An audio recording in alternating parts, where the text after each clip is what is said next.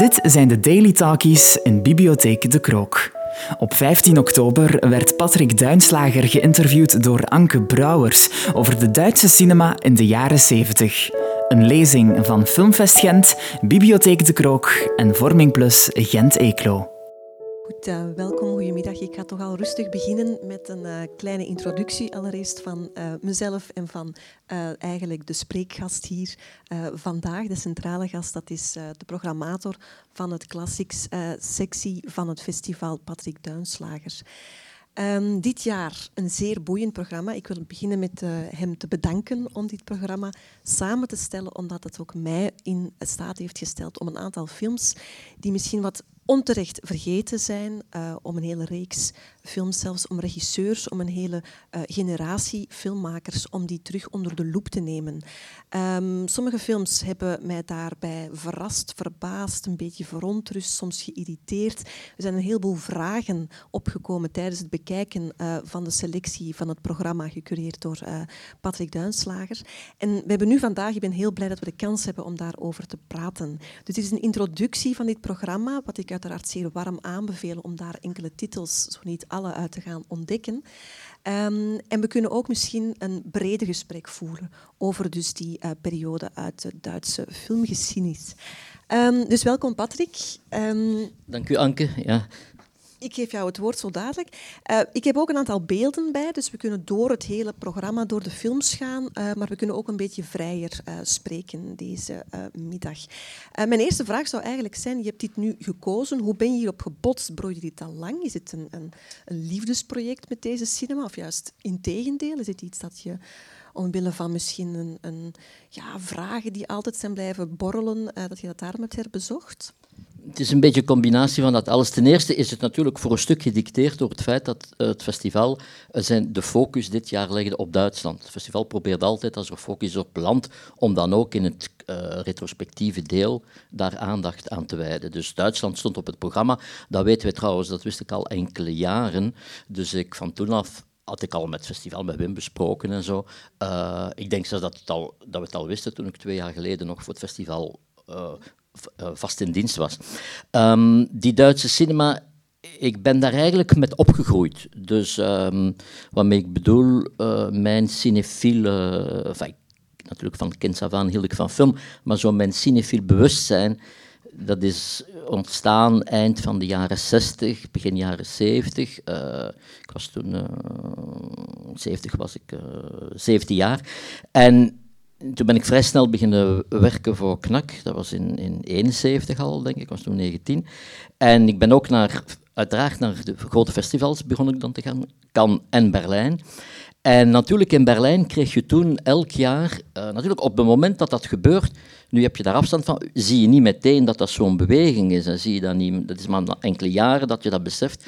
Maar telkens als we naar Berlijn gingen in februari altijd, dat was voor mij, na een aantal jaren, was dat rijkhalsend uitkijken naar de nieuwe Duitse films. Niet alleen de films die op het programma stonden in Berlijn. Want het was zo dat de interessantste films en de belangrijkste films uit die periode, ik bedoel Fassbinder, uh, Herzog, Wenders, Schleundorf, dat die vaak veel eer in Cannes en in Venetië een première dan in Berlijn. Maar sowieso had je in Berlijn een sectie nieuwe Duitse films en daar werden alle interessante films van het afgelopen jaar getoond. Dus daar heb ik jaar na jaar die Duitse film ontdekt. Ik heb daar ook dan wel over geschreven, ook, enfin, ook als in, ik heb daar altijd wel over geschreven, niet tot in de details. Dus uh, dat ben ik eigenlijk, om dat dan samen te stellen, dat programma. Nee, wat me toen opviel, was als ik dan reflecteer, als ik daarop terugblik, is dat uh, het, het bij veel jonge mensen zal heel die periode onbekend zijn. Maar bij cinefielen die het geluk en het ongeluk hebben om mijn leeftijd hebben, dan um, zullen zich wel herinneren dat het vooral ging om drie sleutelfiguren, Fassbinder, Herzog en Wenders. En dan ook zeg altijd de vierde musketier was in feite Schleundorf, want die hoorde daar ook bij. En dat waren degenen die internationaal ook zijn doorgebroken, weliswaar altijd in, in arthouse-circuit. Nooit niet in de grote reguliere bioscopen in Amerika te zien, uiteraard. Dat waren de, die vier grote. Maar dat was mijn ehm, ehm, bedenking. In feite is dat het topje van de ijzerberg. En het zal dan, in, zeker in het geval van Fassbinder en Herzog, wel de top ook geweest zijn in creativiteit en in, in zeker in product, productiviteit en belangrijkheid, historische belangrijkheid. Maar naast hen waren er nog zeer veel regisseurs die nu totaal vergeten zijn. En het was ook de bedoeling om, om die in het niet... Want het zal ook zo je zou kunnen zeggen, ik doe retrospectieven van Fassbinder.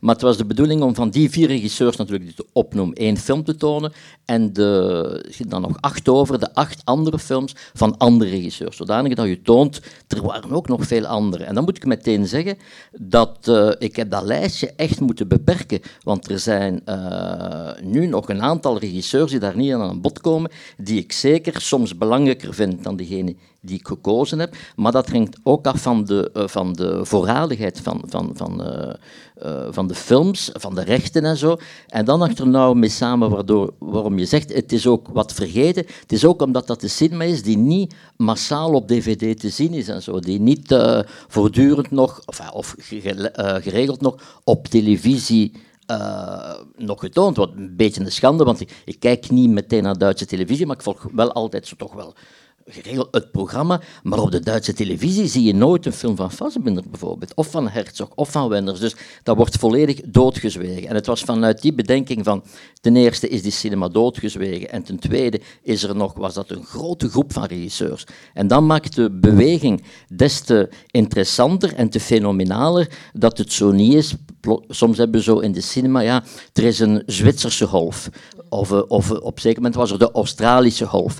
Maar dat gaat dan meestal maar om vier, vijf mensen. Maar hier gaat dat zeker om een, denk nog zeker een 20, 25 tal niet altijd grote, maar markante regisseurs die ook, en dat is uh, wel merkwaardig, die, alhoewel het een beweging was, die niet tot dezelfde groep hoorden, niet noodzakelijk, en die allemaal, vind ik, een eigen stijl en een eigen temperament hebben. Want nu heb je bijvoorbeeld die, uh, die nieuwe, wat men noemt de Berlijnse school, uh, in de hedendaagse Duitse cinema, die zo begonnen is vanaf de jaren 2000 en die nu volop uh, doorgebroken is en ook wel erkend wordt, maar die ook niet in de reguliere bioscoopcircuit kon, behalve Petzold is ongeveer de enige die wiens films af en toe in relatie komen. Maar daar vind ik dat de, de, de um, verwantschap tussen die regisseurs is veel groter. Die, die hebben veel stilistische kenmerken gemeen. Terwijl die film heeft een, eigenlijk een twintigtal, vijfentwintigtal totaal uiteenlopende uh, persoonlijkheden, temperamenten, die elkaar natuurlijk wel snijden, te zijn raakvlakken, maar toch allemaal, wat je zegt, auteurs. En voor mij is een auteur nog altijd iemand die een eigen visie heeft op film ook. Dus niet alleen op de wereld, maar ook op hoe hij filmt, of hoe hij zij filmt. Was er dan een bewustzijn van die makers in de jaren 70 en jaren 60, jaren 70 dat ze tot een beweging behoorden, dat ze iets aan, in beweging aan het zetten waren? Ik denk voor een stuk wel, omdat ze uh, anders dan de Nouvelle Vague bijvoorbeeld, want de Nouvelle Vague die vroeger opgekomen is, dus opgekomen al in 58, maar is eigenlijk een beweging vooral van de jaren 60. En de grote, want in Europa had je overal in de jaren 60 en 70 nieuwe cinema dat men noemde. En Duitsland was eigenlijk vrij laat, want de meeste van die nieuwe cinema, en dat was Brazilië, dat was uh, Japan met de Oshima dus uh, in, in, Italië natuurlijk, dat was allemaal de jaren 60. En in Duitsland is dat begonnen in de jaren 60, maar is dat vooral doorgebroken, tot bloei gekomen in de jaren 70.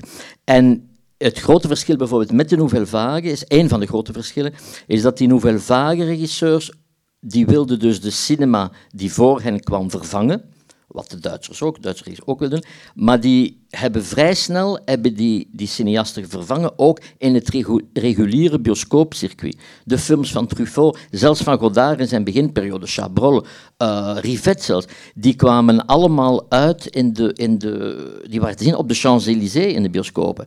Terwijl die Duitse cinema, waar ik het over heb, waar we het over hebben, dat is een cinema die altijd marginaal is gebleven. Bijvoorbeeld de Fassbinder is pas op het einde van zijn carrière, uh, met zijn grote vrouwenportretten die hij gemaakt heeft, vanaf die Eda Maria Braun. Dat is eigenlijk zijn commerciële doorbraak.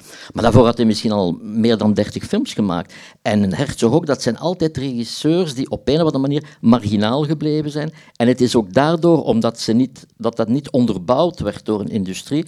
En dat ligt ook aan producenten. De Franse Nouvelle Vague bijvoorbeeld had grote producenten die geloofden in dat talent. En ook die daar geld mee verdienden natuurlijk, hè, want men deed dat niet alleen voor de schone ogen van Godard. Maar bijvoorbeeld Godard, uh, Le Mépris is geproduceerd geweest door uh, Carlo Ponti. Dat was de man van Sofia Loren, die alle grote Italiaanse superproducties produceerde. Maar dat heeft Duitsland nooit gehad eventjes op het einde van Fassbinder zijn carrière, maar niet tijdens, tijdens die bloeiperiode. Dus ze waren op zichzelf aangewezen. Ze hebben samen, een aantal regisseurs, heeft ook het filmverlaag der autoren uh, opgericht om, om de promotie te maken in het buitenland voor hun films en ook om, om, om de productie op poten te zetten. En de samenwerking gebeurde, uh, de films zijn geproduceerd dankzij televisie, en dankzij toelagen, zowel van, van federaal als ook een beetje als onze situatie, als uh, ook van nee, bij ons is het, is het niet federaal, bij ons is het gesplit, maar daar is het federaal, maar ook de landen zelf, de provincies. Die, uh, dus die cinema had nooit bestaan door die twee steunpilaren.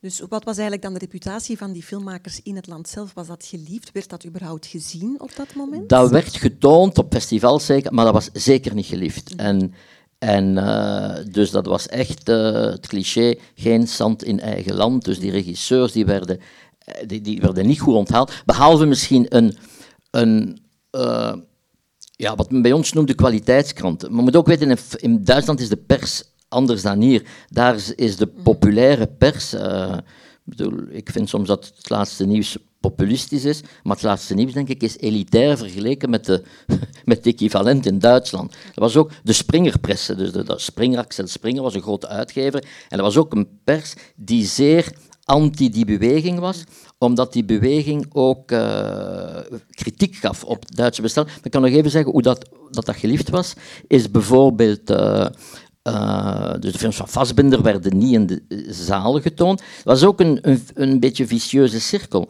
Want gezien die films getoond werden, uh, geproduceerd werden door televisie, vond televisie vaak dat zij het eerste recht hadden om die films uit te zenden. En dan was dat gemakkelijk om dan de distributeurs te zeggen, maar dat gaan we niet uitbrengen, want het is al op tv geweest. Dus dat was een beetje een vloek en een zegen. Maar bijvoorbeeld een voorbeeld van hoe films onthaald werden. De film die jij citeerde en die zegt die, die uh, toch wel dat je vond dat dat een ontdekking was. Um, Duitsland, Blage Moeder. Uh, ik heb dat uh, gisteren opnieuw gezien. Van um, Elma Sanders Brahms. Die film, ik heb die gezien in Berlijn in 1980. En die film is uitgejouwd, uitgejouwd door, door, door, door het publiek. Uh, op dat moment is het natuurlijk een internationaal publiek, maar op dat moment zitten er overwegend ook Duitsers in de zaal. En wel in die mate dat de producenten en ook Helma Sandel, de regisseuse, de schaar in de film gezet hebben en daar 25 minuten of zo uitgeknipt hebben, die nu opnieuw wel in de versie zitten die wij zien. Om te zeggen hoe slecht dat die film... En als ze nu die film zeggen, dat is uitgejouwd, ja, op een filmfestival. Dus het was wel een zeer... De Duitsers hebben hebben ook, en vandaar dat die cinema zo marginaal gebleven is, die hebben niet een echte filmcultuur. Zoals Frankrijk weer heeft, zoals Italië voor een stuk heeft. Die hebben dat niet. En die moesten eigenlijk in een soort woestijn een films maken. Um, maar niet alleen misschien het gebrek aan filmcultuur, ook wel natuurlijk de inhoud. Hè, de inhoud van de films. Um, het feit dat je zegt, hè, de Springerpers was, uh, was heel specifiek, heel erg populistisch. Um, grote kritiek op deze filmmakers, maar de filmmakers zelf bekritiseren deze pers ook. ook ja, ja. En natuurlijk de politieke inhoud. Misschien moeten we daar ook eventjes, of kan je daar eventjes meer toelichting over geven? Als je het hele programma bekijkt, dan merk je dat al die films indirect, soms gewoon metaforisch, soms gewoon heel direct, uh, heel pijnlijke punten van de recente Duitse geschiedenis blootleggen. Het gaan fileren. Ja, ja. Dus um, dat kan ook een deel. Maakt dat, dat deel ook, uit van, ook van daar, ik vind dat een, ook een groot contrast met de Nouvelle Vague, die grotendeels een apolitieke beweging was. Want de meeste van die films gingen over allerindividueelste verhaal. Heel mooi, hè? pratende mensen, verliefde mensen. De Fransen kunnen dat filmen zoals niemand anders. Maar er zijn een paar politieke films, maar het was niet, dat klimaat was niet politiek. Het was eerder een generatie, één generatie tegen een andere generatie. Hier had je dat generationeel ook, maar was er ook politiek. En, en dan zijn er twee, uh, twee grote dominante thema's, zou je kunnen zeggen. Dat is dat die films, uh, die nieuwe Duitse cinema, reageerden tegen het verleden, tegen de Duitse cinema die ehm, de, het, ja, het duistere verleden van Duitsland, wat natuurlijk de oorlog is, en dan de oorlog en dan natuurlijk als, als, hoe zeg je dat, als extreme de holocaust, dat daar niet over, eh, dat daar niet gefilmd, over gefilmd werd, daar werd ook niet over gesproken. En dat is sociologisch te verklaren, omdat Duitsland uh, was volledig ja, plat gebombardeerd, zat ook moreel aan de grond. En dan heeft Adenauer, de, de kanselier van Duitsland na de oorlog, die heeft dan wat, wat een, een relanceprogramma opgericht, wat, wat men dan het Wirtschaftswunder genaamd. En dat was eigenlijk een economische heropleving. Maar die maatschappij van toen, en dat is dan vooral in de jaren 50, want die, uh, dat is, het heeft natuurlijk nog bijna tot, tot het eind van de jaren 40 geduurd, er sowieso die schaduw van de oorlog het grotendeels verdwenen was. Maar toen heeft die, is die maatschappij erop gebouwd met alleen maar aandacht voor het materiële, voor het economische, en dan werd het culturele uh, volledig daarin verwaarloosd. Een beetje het is een hele andere situatie, maar dat zijn conflicten, spanningen die we overal zien optreden. En nu, wie had dat gedacht in corona? Waarover gaat het vaak? Om, uh, voor de, de, of de maatregelen verstrengd worden? Ja, wat weegt erop? De economie of, of, of, de, of de gezondheid en ook de, cultuur. Dus in, en dat was uh, dus dat taboe dat erop lag, uh, dat hebben zij doorbroken. Dus zij hebben Duitsland geconfronteerd met zijn schuldig verleden. Uh, de Duitse cineasten zeiden ook, ik denk dat dat een uitspraak is van van Wenders. Wij hebben geen vaders gekend, wij hebben grootvaders gekend. Want hun vaders, regisseurs, zijn allemaal regisseurs die natuurlijk verbrand waren, die gecollaboreerd hadden. En dan naast dat, uh, dat confronteren van Duitsland met zijn schuldig verleden, en ook niet alleen de nazi-top, maar ook toch wel tonen dat uh, het merendeel van de bevolking zo niet Hitler gesteund heeft, dan toch gedoogd heeft. Dus dat was ook een soort taboe. En het is al, ook altijd een mythe geweest zijn alleen de, de echte SS'ers die vreedheden begaan hebben. En zo. Maar nee, het was ook de hele Duitse bevolking was schuldig. Dus dat hebben zij in hun films aangekaart. En dan ook, dus dat was het verleden dat verzwegen werd door die nieuwe maatschappij. Maar dan ook had je die nieuwe maatschappij, die zelfs uh, economische belangen, materiële belangen, en sterke, niet te onderschatten in de jaren 60, een heel sterke stempel nog ook altijd van, van de Amerikanen. Want Duitsland is lange tijd uh, bezet geweest, onder andere door vier mogendheden, onder andere door de VS. En de VS hebben altijd een sterke druk uitgeoefend en ook een politieke druk op de Bondsrepubliek. en zeker culturele laat zich doen gelden. En uh, daar, en dan is natuurlijk ook in de jaren 70, heb je dan het verschijnsel van, van het terrorisme. En terrorisme was een extreme kritiek, een extreme reactie tegen die gezapigheid, tijdens de leugens, tijdens de, dus op die nieuwe maatschappij. En daar hebben die regisseurs ook bij aangesloten. Zowel uh, heeft een film over ter terrorisme gemaakt, die trouwens, uh, denk ik, vandaag te zien is uh, voor de eerste keer in de retrospectieve. Um, dan heeft, uh, hebben ze samen een gezamenlijke, uh, een uniek collectief project gehad, Duitsland in herfst. Dat gaat over de dramatische gebeurtenissen in 1977 terreur, terrorisme, ontvoering van een grote uh, werkgevers, van de leider van de werkgeversbond, die ontvoerd wordt, die, die geëxecuteerd wordt door de terroristen, uh, terroristen die dan een vliegtuig kapen en die eisen dat de gevangenen van Stamheim, die verantwoordelijk zijn voor die aanslag, dat die vrijgelaten worden. En, en dat is allemaal in, een, in de herfst gebeurd, de herfst van 77 in Duitsland. En daar hebben twaalf regisseurs, twaalf mensen, uh, en ook de schrijver Henrik Beul was daar ook bij, hebben een film gemaakt uh, die, die de geest, de, de malaise, de angst, het klimaat van de angst uh, samenvat. In hoeverre zou je die beweging, of toch misschien enkele, ook als misschien ook wel militant, of toch deels ook uh, sympathiserend met die, um, met die terreur eigenlijk? Hè? Of toch iemand als Jean-Marie Straub heeft gezegd van er zouden eigenlijk, of het was Alexander Kluuk die zegt, ja. het verbaast me dat er niet meer terroristen zijn in dit, dit tijdperk. Ja. Dus Straub die ook uitspraken doet die ja. eigenlijk een beetje chockeren, tot vrij recent nog op festivals zegt van we moeten eigenlijk hè, ons blijven verzetten tegen Amerikaans kapitalisme en we moeten... Ja, inderdaad, de, de, de linkse... Uh, het werd misschien niet zo genoemd, maar de linkse elite, want, want de meeste van de regisseurs hadden een links stempel. Uh, en die, uh, daar was een. Het is heel moeilijk om dat uit te leggen. Om, allez, niet dat het zo moeilijk is dat jullie dat niet gaan begrijpen, maar in die tijd was dat, als je dat nu zegt, klinkt dat heel chockerend dat die sympathie er was. Maar in die tijd was dat bijna ik zeg niet logisch, maar je kon dat verklaren dat er daar ook een zekere sympathie voor die terroristen was. Nu is dat ondenkbaar.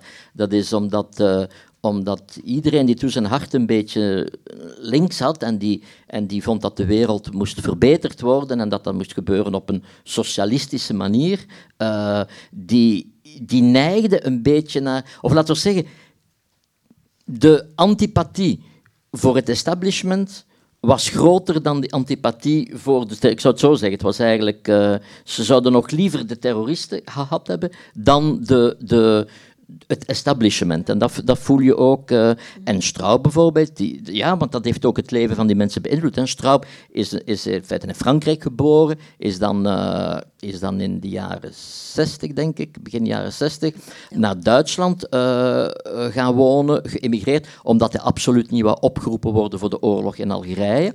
Maar dan is hij uit Duitsland weggegaan omdat hij precies een vriendschapband had met een terrorist en dat hij voelde dat hij daar last ging doorkrijgen. Uiteindelijk is dat niet echt gebeurd, maar hij voelde zich ook toch een beetje...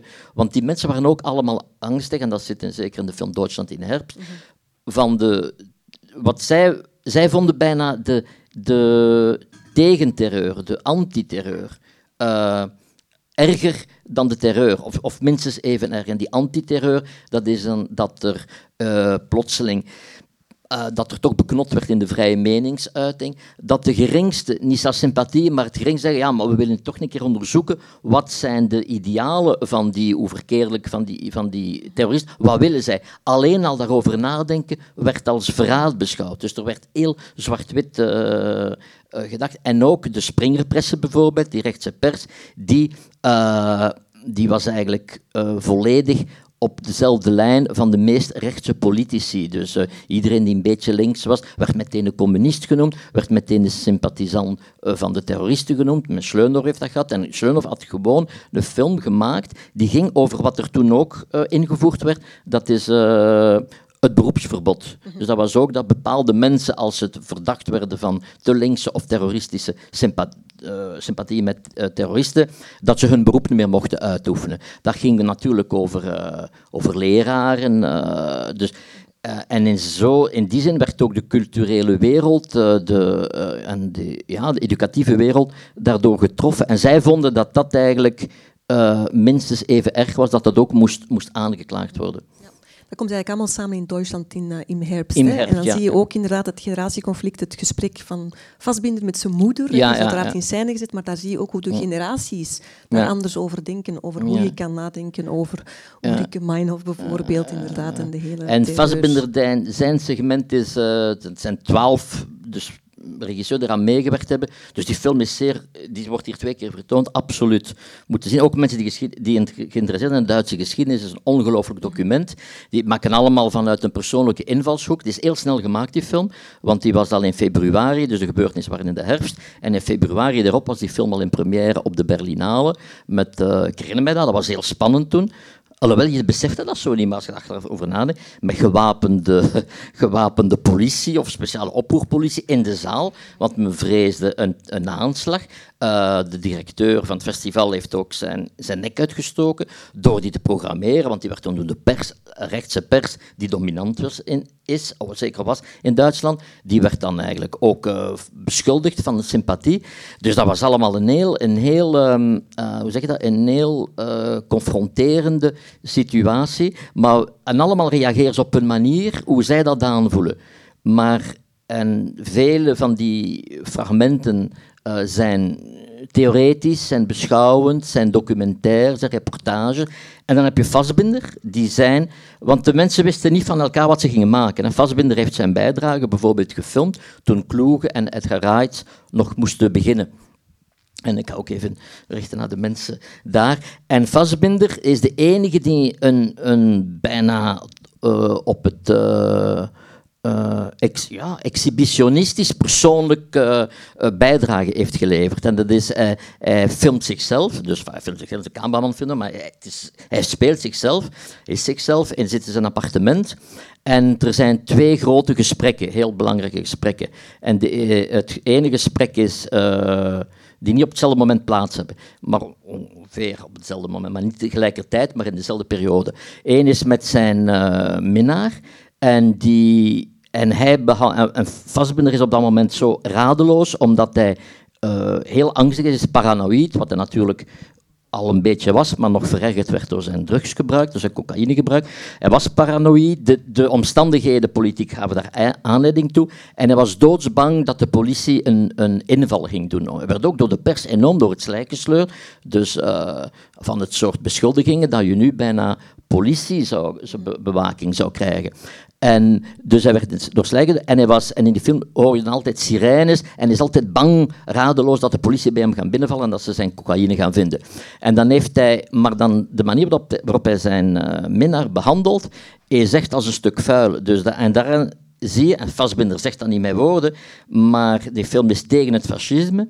Maar die toont ook het fascisme individueel, hoe ook mensen in interpersoonlijke relaties, eigenlijk wat ze ook beweren, ook van, dat, van datzelfde gedrag doen, maar dan op in een persoonlijke relatie. Die zin is die film zeer zelfkritisch. En dan het tweede gesprek dat hij heeft, is met zijn moeder. En dat is dan zeer het eerste is ontluisterd in de zin dat hij zichzelf bekritiseert.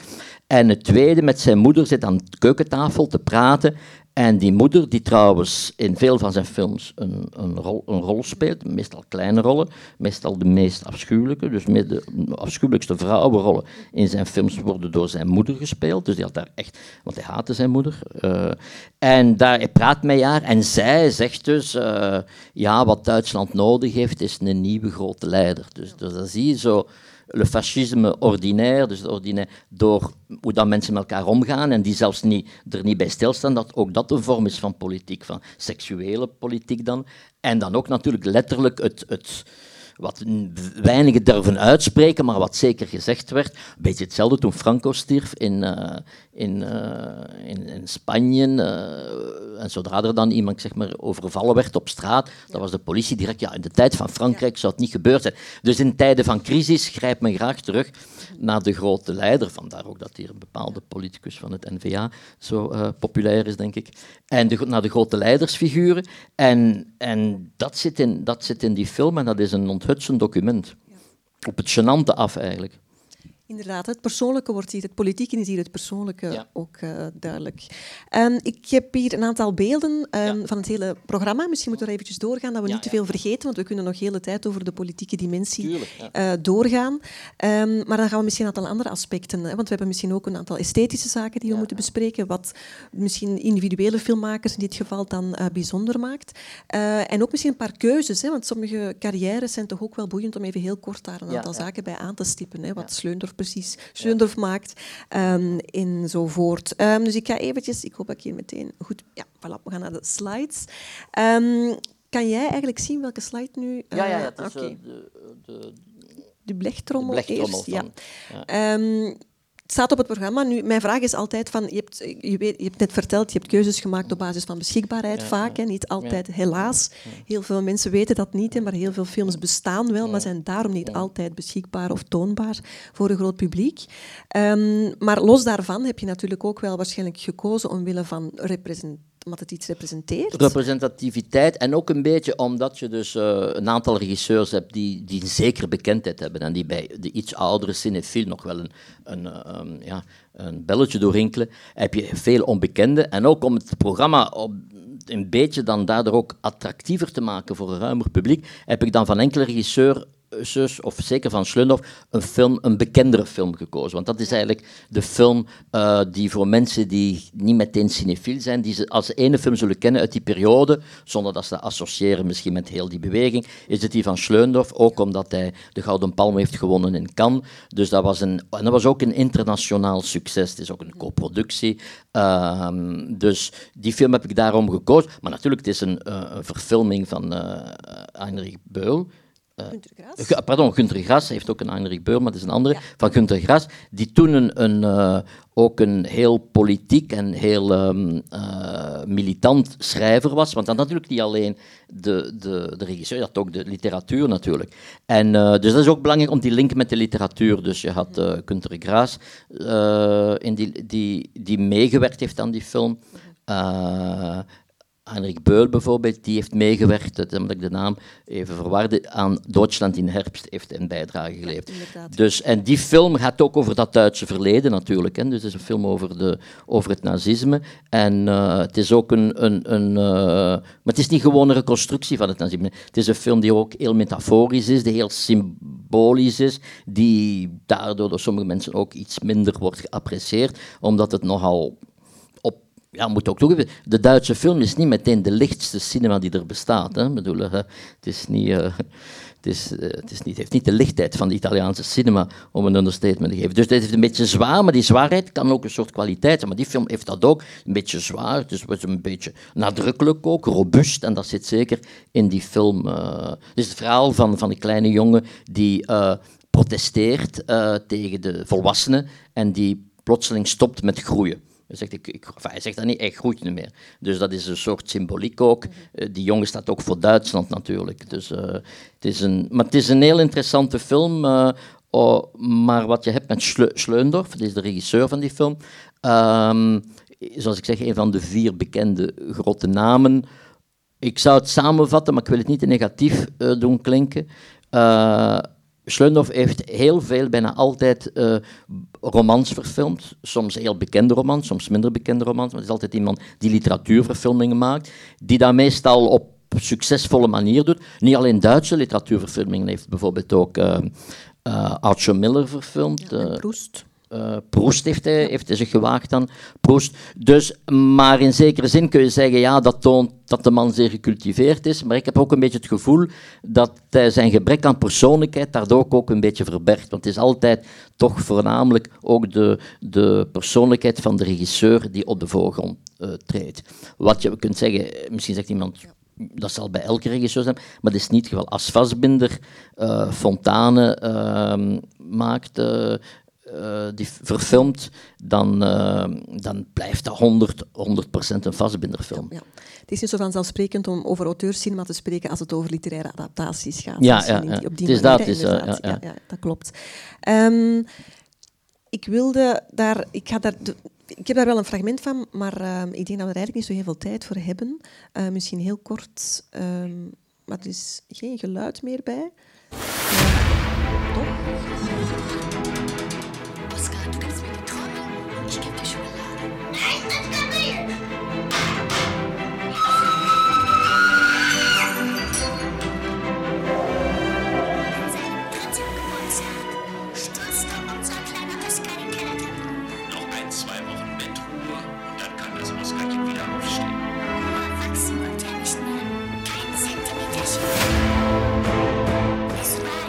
is om jullie een beetje warm te maken, want het ook een heel mooie restauratie is natuurlijk. Ja, um, ja. Maar je hebt misschien ook al door die, paar, door die beelden te zien, het is, een, het is inderdaad een, een dure productie, ja, een, een grote productie. Uh, maar dat er nooit angst ook is, dat heb ik ook gemerkt in, deze, in dit programma. Er is geen angst om lelijkheid te tonen om nee, uh, groteskerieën nee. te tonen. Zelfs nee. in deze verfilming krijg je momenten ja, van absolute grotesken. En dat grotesken ook, want dan zonder direct historisch te worden, maar in de historie te Je hebt natuurlijk wel een traditie, dat groteske zat ook voor een stuk in het expressionisme uit de jaren twintig, uh, ook in de expressionisme in de film, maar vooral ook expressionisme in de schilderkunst, uh, in de tekeningen. Uh, de tekeningen van Greus, die, ja. die, die karikaturen, die, die Weimar, uh, de, de Weimar-periode in beeld brengt, op een, door eigenlijk allerlei monsterachtige figuren te schetsen. En in zekere zin is, is dat toch wel iets dat ook iets Duits is. Dus dat ze, mm -hmm. dat ze ook in die, in, die, uh, in die periode aan bod komt. Je hebt dat ook bij Fassbinder, die karikaturen. Ja. Het wordt dus aangeknoopt eigenlijk bij inderdaad een traditie die misschien eigenlijk al in de jaren twintig... Ja, het zo, dus het soort van, van, visueel al mm -hmm. heel veel in het beeld al. Niet dat dat daar moet bijgezet worden of dat dat niet alleen uit de daden blijkt, maar ook fysiek. En bijvoorbeeld in de film Duitsland Blage Moeder mm -hmm. heeft de, het hoofdpersonage, gespeeld door Eva Mattes, een schitterende actrice.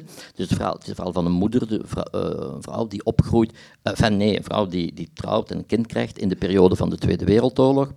En zij krijgt dan, uh, als de oorlog voorbij is, krijgt, wordt ze fysiek vervormd. Dus ze heeft een soort ziekte waardoor haar gelaat volledig scheef staat en dat ze half gesluierd door, door het leven gaat. En ook dat is een soort beeld dat ook de, Duitsland symboliseert. Zie je? Dus ze doen dat vaak met met fysieke deformaties gebruiken om iets te vertellen. Herzog is daar, doet dat enorm in zijn film. Hij heeft film met dwergen gemaakt, hij heeft een film gemaakt uh, waarin een, uh, een, een, een, een, psychiatrische patiënt de hoofdrol speelt in um, Jeder für sich en, en Un Gott gegen allen, Caspar Hauser verhaal. Dus dat is een, een, toch wel een karakteristiek ook van die cinema.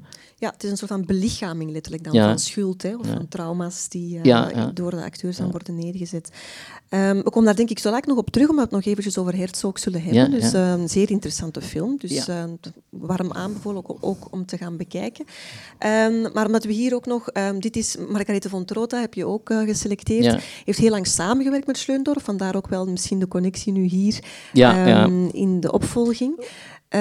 maar dit is dan op eigen benen. En um, ook weer een politieke film. Hè? Dus ja, waar uh, misschien even situeren wat ook een, een, kenmerk is van die cinema, uh, maar ook op het moment zelf werd er zo niet bij stilgestaan, maar dat je nu bekijkt, zeker in de discussie die nu woedt over het aantal vrouwelijke regisseurs en over quota en over uh, genderevenwicht en zo. Maar dat was een zeer sterke vertegenwoordiging van vrouwen in die, in, in die beweging. Dus je had al tussen de topregisseurs, regisseur, had je al Margaretha von Trotta en had je Helma Sanders Brahms. Je had ook uh, Elke Sander, je had ook uh, Ulla Stockel. Je had dan ook meer in de experimentele cinema had je Ulrike Ottinger, die dan eigenlijk uh, ook de, de, de, de soort avant-garde feministe was. Dus dat was een grote feministische beweging. Natuurlijk, dat die beweging liep samen ook met de opkomst, eh, de opkomst en, en de, de, grote explosie van het feminisme, zoals dat ook in Frankrijk en andere landen had, in Duitsland. Maar dat was zeer merkbaar in, de, in, die, in die cinema. Dus die cinema reflecteert al die maatschappelijke alles wat er in de maatschappij beweegt, dat zit vervat in die cinema. En zeker de rol van de vrouwen is, is, was echt groot, want ik noem er nu een paar op, maar Berlijn heeft een paar jaar geleden een retrospectieve, uh, Berlijn heeft al jaren een hele goede retrospectieve, en dat was retrospectieve alleen maar met films van vrouwelijke cineasten. En daarmee konden zij toch een programma van een, van een 50, 60-tal films vullen, wat niet evident is. Hè. Dus, uh, evident, bedoel, het zou evident zijn dat, dat dat overal zo was, maar Duitsland heeft daar wel een, sport, uh, een voortrekkersrol in gespeeld, de Duitse cinema. -hmm. En je zei nu, was uh, Margaretha von Trotta. Margarethe, ja. Ook daar zie je dat feminisme en zie je toch wel iets uh, toch moet aanstippen, want het was natuurlijk dat de vrouwen uh, een kans kregen, mm -hmm. maar ook ze moesten optornen tegen heel veel vooroordelen, want uh, zeker dat is dan overal zo geweest, maar ook in Duitsland, die werkten vaak met, een, met technische ploegen die niet meteen uh, ook zeer progressief waren. En vanuit die macho technische ploegen was een grote weerstand tegen vrouwen die een film regisseerden, dus ook daar. En wat je zegt over Von Trotta, dat ze die eerste films met haar man heeft gemaakt, maar die, ze heeft twee films met haar man gemaakt, maar daar werd ze altijd vermeld als assistente, medewerkster en ineens speelt ze ook hoofdrol, want ze was oorspronkelijk een actrice, heeft ook in een aantal films van Fassbinder gespeeld trouwens. Maar, en dan later zie je op die generieke die twee films, co-regisseurs Volker Schleundorf en Margaret von Trotta. Dus ik denk dat ze die... Nee, ik denk, ik ben zeggen dat ze die films ook meegeregisseerd heeft. Maar in die tijd, ze was getrouwd met uh. Ik denk ook ja, dat, uh, dat haar niet toen die credit gegeven heeft. Ja, bewijst wel, het is een verschil tussen vrouwen aanmoedigen en dan dat ook in uw eigen relatie 100% te accepteren. Dus dat is wel tekenend voor, voor de samenleving in het algemeen. Maar in ieder geval is het rechtgetrokken. Je hebt een beetje hetzelfde verhaal bij Straub en Louis, uh, waar uh, jarenlang sprak ik altijd van een film van Straub en van Straub. Er stond er wel bij uh, Daniel maar, dat, maar nu is elke film is wel door die twee, is altijd wel getekend geweest door die twee. En ook in interviews, hij werd geïnterviewd, zij werd niet geïnterviewd vroeger. Dus gelukkig is er daar toch wel een, een uh, allez, is dat toch wel rechtgezet, die, uh, Ja, inderdaad. Dus dat auteurschap dat uiteindelijk toch soms achteraf pas volledig ja, wordt blijkt, toegekend. Ja. Um, nu, als we gaan kijken dan naar bijvoorbeeld deze film en de, films, de andere films van de vrouwelijke cineasten op het programma, um, zie je daar dan een... Um, heel vaak wordt daarover gedebatteerd. Is er een aparte vrouwelijk perspectief? Is er een aparte blik? Ligt het aan de thema's? het ligt een beetje aan beide. Hè? De, dus de thema's, ik bedoel, ze hebben, thema, thema's in die film zijn niet vaak, maar komt terug. Abortus komt terug, uh, uh, gelijkheid man-vrouw in werkrelatie, in, uh, in persoonlijke relatie. Dat komt zeker de, de, de onder, ondergeschiktheid van de vrouw. Dat komt, het is zelfs een, een, een, een van de films heet wat is dat, de titel van een slavin van, een slavin van uh, Kluge, de titel ontsnapt me nu. Hij heeft ja. een film waarin in de titel zelfs het woord slavin gebruikt wordt, maar dus een, een, een gastarbeidster ook als slavin wordt beschouwd, die, die niet alleen slavin is van, uh, van van het bedrijf waar ze werkt, van, van de fabriek waar ze werkt, maar ook van haar man. Zie? Dus die, die situatie van de vrouw, dat komt daar zeer sterk in aan bod. De kritiek daarop, op die, op, uh, die, ja, die uh, hoe zeg je dat, de, dus die scheefgegroeide relatie en ook de, ja, de ongelijkheid. En, maar ook esthetisch, denk ik, en ook in de manier waarop ze dan de invalshoeken vooral. Dus uh, um, Margaret van Trotta maakt dan een film over terrorisme, maar dat is dan een terrorisme eh, benaderd vanuit een, een heel mooie uh, geschiedenis van, van twee zussen. Dus, en het is over die relatie tussen die twee zussen dat het gaat, over de psychologie, samen opgegroeid zijn. Eén zus is, is, uh, zijn alle twee uh, samen gelijk opgegroeid, maar de ene zus uh, is later uiteindelijk een, een, uh, een journaliste geworden die heel linkse standpunten inneemt, maar altijd dus op de democratische manier verzet pleegt, terwijl haar zus is dan, eigenlijk een, is dan een terroriste geworden, trouwens geïnspireerd op een echte terroriste, Gudrun Enslin, denk ik, die, mhm. die omgekomen is ook in de, in de, in de Stamheim-gevangenis. En, maar hij, zij benadert dat dus niet vanuit het politieke en ze vertrekt niet vanuit de politiek, vanuit een, vanuit een soort maatschappijvisie. Zij benadert het vanuit de psychologie van die, van die twee zussen. En dan maakt dat natuurlijk uh, ook voor de toeschouwer, is dat ook een manier om niet die terroristen te, goed te keuren, integendeel, maar toch om, om te begrijpen min of meer te begrijpen hoe iemand tot zoiets kan komen. Want dat is eigenlijk interessanter dan dat gewoon te veroordelen. Want als je dan toch, en uiteindelijk is dat ook, komt dat ook ten goede dat je dat wilt bestrijden. En je kan pas iets bestrijden als je weet hoe iets ontstaan is. En, maar zij doet dat dan met de fijne gevoelige, ik weet dat dat cliché klinkt, maar vrouwen hebben toch een andere kijk en gaan in relaties tussen mensen op het doek vaak gaan ze meer uh, gevoelens prononceren of gevoelens uh, laten spelen dan ideeën en, uh, en mannen concepten. Ja, zoals, wat ook terugkomt is misschien het gebruik van autobiografie of biografie ook in dit geval. En het is dan inderdaad gebaseerd op uh, waar gebeurde feiten, tenminste op een bestaande ja. uh, terroriste. Maar zie je ook bij Helma Sanders Braams, die eigenlijk ook haar een film over haar eigen moeder maakt. haar eigen en, moeder. En, en Duits, zelf de voice-over dan ook verzorgd. Zij, ja, dus dan maakt die film intens persoonlijk. Hè. En je kan niet anders, als je dat ziet, ja natuurlijk, eh, dat is de essentie van de film. Hè. Iemand die iemand had, een man dan het leven van haar moeder verfilmd, dat was een andere film. Je voelt zo in alles haar eigen, haar eigen, ja, haar eigen situatie, ook uh, haar eigen problemen die ze daarmee heeft. Hè. Want uh, wat haar moeder is iemand van die mensen, die, die, uh, van die tal miljoenen mensen die gewoon dat regime gedoogd hebben. Hè. Maar dan zegt je ook wel een heel mooie zin in de, in de film, want de regisseuse doet dus de voice-over, zegt ze ja, mijn moeder heeft haar ogen gesloten, maar voor onze uh, dus voor het nazidom, voor het nationaal socialisme, zijn ogen dicht gedaan van wat er toen allemaal gebeurde. Want je ziet in de film ook dat op een zeker moment hoort je s'nachts lawaai, en dat is voor de oorlog. En je ziet de joden die uit hun huizen gezet worden en zo, zo'n soort uh, kristalnacht, maar het is niet tijdens die nacht, maar dat soort allee, spektakel, als ik het zo kan noemen. Maar ze grijpt niet in, zie je het? Ze, ze, ze, ze, kijkt ernaar en ze blijft er een beetje onbewogen bij.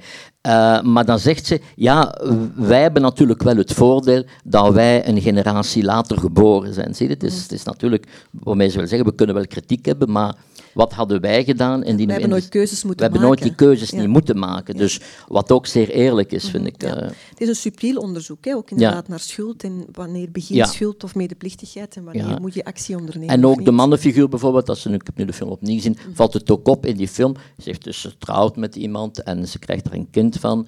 En, uh, maar die relatie loopt dan ook spaak. Maar die mannenfiguur is nooit, nooit karikaturaal. En het is ook een heel gevoelige man. Het is iemand die, die al zijn vreedheden moet, moet begaan uh, tijdens de inval van de Duitsers, van de nazi in Polen. Uh, dus net voor de Tweede Wereldoorlog uitbarst. Dan, dan weentijd is iemand die ziek is van wat hij heeft moeten doen en zo. Dus het is ja. niet de, de gevoelige vrouw uh, met, de, met, de, met de brut. Nee, masculiniteit wordt hier ook niet voorgesteld, zoals nee. het vaak ook clichématisch Nee, en als, hij dan, als het dan seksueel mm -hmm. niet goed gaat, is het ook zo niet de... de het cliché van de man die alleen naar bed wil met zijn vrouw en die voor de rest willen niet horen wat ze vertelt. Het is allemaal dan niet. Het is allemaal veel, uh, uh, veel pijnlijker ook, omdat ja. het... Uh, omdat het, ja. ja. ik denk het, omdat het veel echter is. Ja, het blijft me verbazen, jouw verhaal is hè, dat de film werd uitgejouwd. Ja. Een van de kritieken was te sentimenteel. Ah, ja, dat, eigenlijk was de kwaliteit van de film dat hij door een vrouw gemaakt werd, dat was eigenlijk de reden om hem af te breken. Ja. Dus, want als men zei sentimenteel, was dat vooral van, het is een vrouw die het gemaakt heeft, dus het is sentimenteel. Ja. Ja. De film is helemaal niet sentimenteel. Nee, helemaal niet, een pikkelhard. is gevoelig, bedoel je, ja, is, ja. is het gevoel, maar niet sentimenteel. Um, hij speelt nog een tweede keer, hè? dus ja, ik zou ja, ja, inderdaad ja, van harte om de film misschien uh, de juiste uh, receptie te bieden die, uh, die verdient. Um, we hebben al, de tijd gaat hier veel te snel. Um, we moeten misschien ook nog, we hebben nu, ik heb hier de slide voor staan van chroniek der Anna Magdalena Bach. Misschien ook omdat dit is natuurlijk de meest vormelijk, waarschijnlijk de meest uitdagende. Er zijn nog wat films die, die iets van de kijker vragen, maar hier krijgen we toch wel ook iets bijzonders te zien aan die Duitse cinema, dat er toch ook een, een, een heel experimentele of een avant-garde stroming aanwezig is in deze periode, voornamelijk dan door uh, Straub en Houillet, um, gesymboliseerd of belichaamd. Um, ja.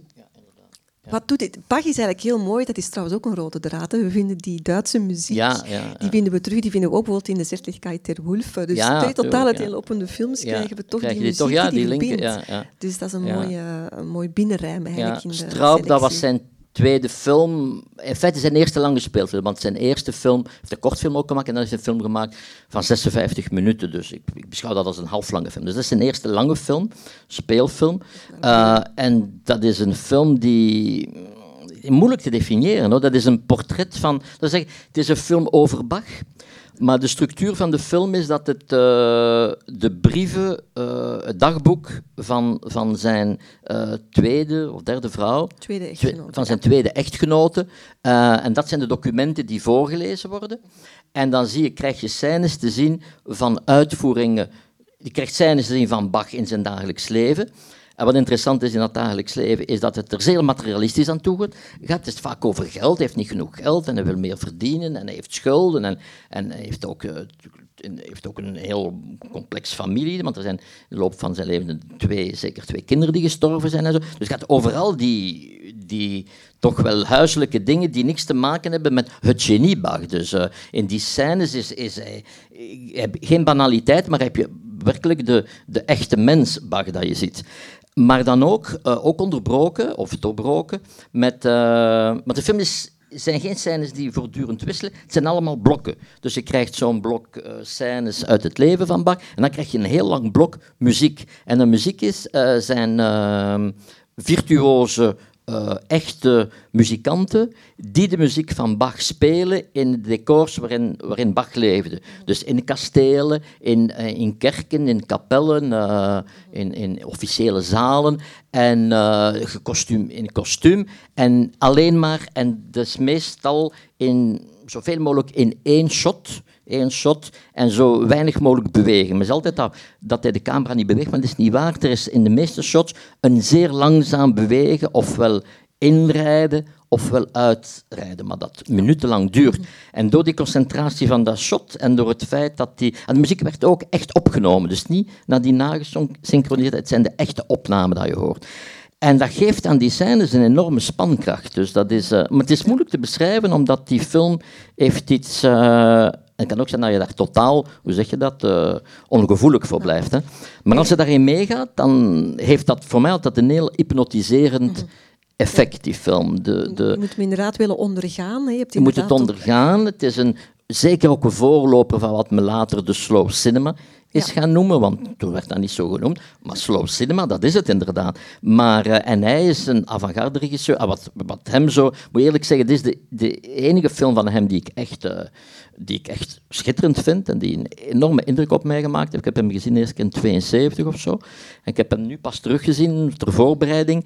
En het was precies wat ik mij al die beelden nog herinnerde. Dus er is zoiets heel... Als je hem gezien hebt en je, en, en je laat je meegaan. En, dus daarmee, als je naartoe gaat, nog iets over lezen, dat je goed weet wat het is. Want ik denk dat het zeer moeilijk is om daarin te stappen tussen mhm. twee andere dingen door. En dan, uh, het vraagt wel een, een, uh, het is niet moeilijk, er is niks moeilijk aan die films. Want men zegt altijd dat dat moeilijk is. Nee, of intellectualistisch. Die film is zeker niet intellectualistisch. Maar het is gewoon een andere ervaring van cinema. En die Straub is trouwens fenomenaal. Want die heeft dus zijn eerste films gemaakt in, in, in 64 of zo, 66. Uh, 466. En uh, hij maakt nog altijd films, want zijn vrouw is intussen overleden, twee jaar geleden of zo, of een aantal jaar geleden. En hij maakt nog altijd films. Dat is een carrière van twee, zijn eerste film, denk ik, is 2, 3, of laat zeggen 64 tot nu, wat spreken we dan over? Uh, 40, 20, bijna 60 jaar, uh, iets van 55. Ja, strijdvaardigheid nog ja, altijd. Ja, dat is ongelooflijk. En die maakt dezelfde, het zijn andere films nu, ze zijn eigenlijk nog strenger. En, en die mm. Bach-film had je natuurlijk ook voor mij was dat dan vast dat dat Bach was. Wat hij daarna veel gedaan heeft, is, is moderne opera's gefilmd. En waar, waar mensen uh, in, in, in, in, in ruïnes uh, op, uh, aan het zingen zijn of stukken op, opvoeren, zoals Antigone en zo. En die films ja, die, die zijn volgens mij veel minder toegankelijk.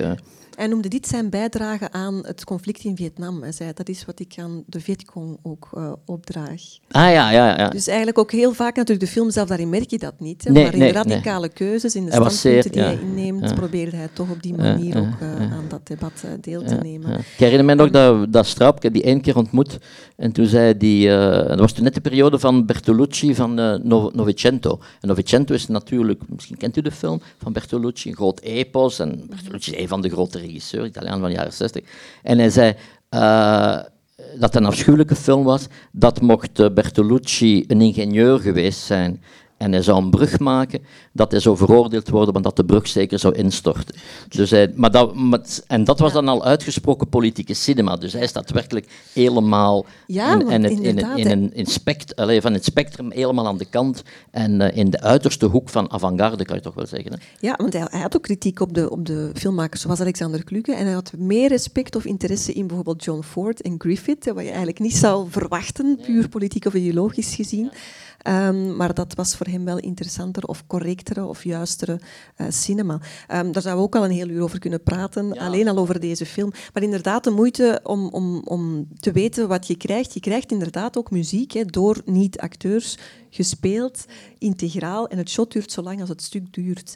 Op instrumenten, dat, de, de film heeft zo lang geduurd om te maken, omdat men de juiste locaties en instrumenten en alles moest kloppen. Dus een soort van authenticiteit die ongezien is voor fictie. Dus die stukken zijn bijna alsof je op dat moment in een concertzaal zit. Ja. Je krijgt die beleving van muziek die je normaal in de film, die je normaal in de film niet krijgt. Dus dat is zeker de moeite om, om even erop te wagen, vind ik. Ja, dat vind ik ook. Um, maar voilà, we zijn allemaal gewaarschuwd ook, hè, misschien, uh, zoals je zegt. Uh, ik heb, um, ik, het is een beetje vervelend voor de mensen hier in de zaal, maar ik ben eventjes door een aantal van de slides nog aan het gaan, een aantal mooie afbeeldingen natuurlijk ook. Maar we hebben deze films in grote mate eigenlijk al besproken, dus Duitsland Bleichemoeder en uh, Duitsland in, in herfst. Daar hebben we het daarnet al uitgebreider over gehad. Um, misschien ook nog even, daarnet ook wel vermeld, die drie generatie, omdat je dan vastbinder is zowel als regisseur hier aan aanwezig, maar ook als acteur, niet alleen in Duitsland in herfst, maar ook nog een keertje in Kamikaze. Um, dat is ook een, een, dat is een eigenzinnige keuze, vind ik wel, ook uh, dat je dit in dit programma stopt, omdat het toch... Uh, die film waarin speelt, ja. of ook de andere? Ja, ja. wel beide. beide. Ik denk dat beide films vragen... Misschien, dit, u zegt zo ja. cinema, mensen vinden dat soms moeilijk, maar dit is iets, die derde generatie. Ja, die derde um, generatie heb ik gekozen omdat, uh, ik moet eerlijk zeggen, als je nog nooit de film van Fassbinder gezien hebt, zou zeggen, ja, ga er toch naartoe. Maar als ik eerlijk, de eerlijkheid gebied me om te zeggen, het is niet de eerste film die ik je zou aanraden om erin te stappen. Mm -hmm. Het is vastbinder films gemaakt die veel makkelijker zijn, die toegankelijker zijn. En die film is, uh, Weerom is niks met intellectuele, met verstandelijke vermogens te maken. Het heeft gewoon de manier dat het filmmedium gebruikt. Uh, en dat is zo creatief bij Vastbinder, die toch bijna 40 films gemaakt heeft in, in 12, 13 jaar tijd. Een tv-series van, van, van 12 uur en van 8 uur. En acteert en geschreven, ongelooflijk. Maar dat is die creativiteit. Hij maakt een film over terrorisme. De, voor hem de derde generatie terroristen. De eerste generatie is die van mei 68. Van, dat komt niet in de film, maar dat is de verklaring van de titel. En dat zijn volgens hem de idealisten. De tweede generatie zijn de terroristen. De eerste uh, stroming van terrorisme, eind jaren 70. En dat zijn de, uh, de pragmatici. En dan heb je de derde generatie. En als je dan vraagt, ja, hoe typeer je die? Dan zou je afgaan op zijn film zeggen, de idioten, de, de opportunisten. De clowns. dus, de clowns. Dus het is, het, is de, dus het is een soort komedie, een heel zwarte komedie. Maar het opmerkelijke is dat, uh, en dat is wel de sterkte van Fassbinder, dat hij dan een filmtaal gebruikt die, die uh, uh, zeer agressief is en dat je bijna als toeschouwer, als je die film ziet, je kan niet naar die film kijken en als iemand daarna vraagt, ja, wat vond je van het beeld, of wat vond je van de muziek of van het geluid, gaan de meeste mensen bij de meeste mensen zeggen, ah, ik heb daar niet op gelet. Maar hij bombardeert u letterlijk. Er is geluid, er is lawaai. Er staat dus in elk shot staat er een televisie aan die aanstaat, waar mensen al of niet naar kijken. Eh, eh, is er iemand die dan nog telefoneert? Is er dan achtergrondmuziek? Is er vogel? Dus het is een soort uh, blitzkrieg, audiovisueel, zowel visueel als, uh, uh, als uh, ja, auditief, wat dat auditief altijd veel agressiever is. Want ik kan een beeld hebben waar veel in gebeurt en zo, maar veel geluiden door elkaar, daar zijn we veel gevoeliger voor. En dat, is snel, dat wordt snel als een soort aanslag ervaren, als, als iets dat ons gemaakt om ons te irriteren. Maar ook in het beeld, wil ik nog even zeggen, over de, we hebben niet veel gehad over die mise en scène. Vastbinder is een meester in wat ik zou noemen uh, de mise-en-scène, maar dan in zijn meest letterlijke zin. Want je kan mise-en-scène is heel breed. Hè. Vaak zegt men nou, regisseur, wat hij doet, regisseur, is de mise-en-scène. Maar in de strikte betekenis mise-en-scène uh, zou je kunnen definiëren als de verplaatsing uh, van de personages uh, in en buiten het beeld. Dus hoe personages zich verplaatsen in het beeldkader. En daar is hij een meester in. Hij filmt in, in een vrij vierkant formaat altijd, uh, altijd, bijna altijd. En, maar wat hij binnen dat bijna vierkant, of die heel smalle rechthoek, wat hij daar allemaal inpropt, dat is ongelooflijk. En dat is dan vaak in, want veel van zijn films spelen zich grotendeels in, in huizen af, in, in appartementen, in kamers. Maar hoe hij dynamiek creëert in dat beeld, door te filmen vanuit een, zeg maar iets, een hall waarin er twee deuren openstaan, waarin je iemand ziet in de ene deur, waarin je iemand ziet in de, op de andere waar dan iemand eventueel op de grond zit en zo. Dus hij creëert voortdurend beelddoeken die variëren, waardoor je een enorm spel met ruimte en met beklemmingen natuurlijk. Want, want door vaak in een namelijk smal beeld dan nog een stuk uit te kaderen, dat je alles door een deuropening ziet, dan krijg je claustrofobisch gevoel. Het is iemand die dat op een briljante manier doet. Dus, uh, want iedereen weet, als men films maakt, wat zo tijdrovend is, is natuurlijk de verplaatsing van de camera. Iets in één shot filmen, je moet dat goed voorbereiden, maar technisch de belichting staat op punt, maar hij verandert voortdurend. Van, hij doet zoveel beeldwisselingen dat je eigenlijk afvraagt hoe heeft hij zoveel films kunnen maken. Het is bijna niet te bevatten hoe de manier waarop, de snelheid waarmee hij heeft moeten werken, moet fenomenaal zijn. En dan alle thema's en per film is inderdaad een eigen stijl ook. Hè. Je ja, kan ja. niet zeggen dat elke, elke keer het zijn soms wel drie luiken films die samen horen. Ja, maar altijd diezelfde theatraal ook, theatrale men geeft film toneel, maar personages declameren vaak in zijn films. Of wordt zo vaak dat ze... Uh, en ik vind het jammer dat ik niet genoeg... Ik, ken, ik bijna geen Duits ken, want ik denk, denk dat ik daardoor ook een dimensie van zijn films zeker niet vat. Uh, wat ze vaak doen is iets herhalen. Ze zetten, zeggen de zin en ze herhalen het nog ja. een keer. Dat je zo maar dat wordt, en dat vertraagt ook de film op dat moment. Dat. Dus ja. uh, het is een, een, een, een beetje hi, soms hieratische, uh, dus een, een ja. plechtige filmstijl soms, waarin mm -hmm. dus volledig antinaturalistisch, terwijl het zich afspeelt meestal in, natuur, in naturalistische, realistische decor, is de benadering volledig antinaturalistisch. En dat is wat hem zo'n groot uh, fenomenaal Dit dat als laatste puntje misschien ook in het algemeen even bekijken. Hoe enerzijds heb je die theatraliteit en soms is dat dan kamp en soms wordt dat inderdaad grote gestes en ja.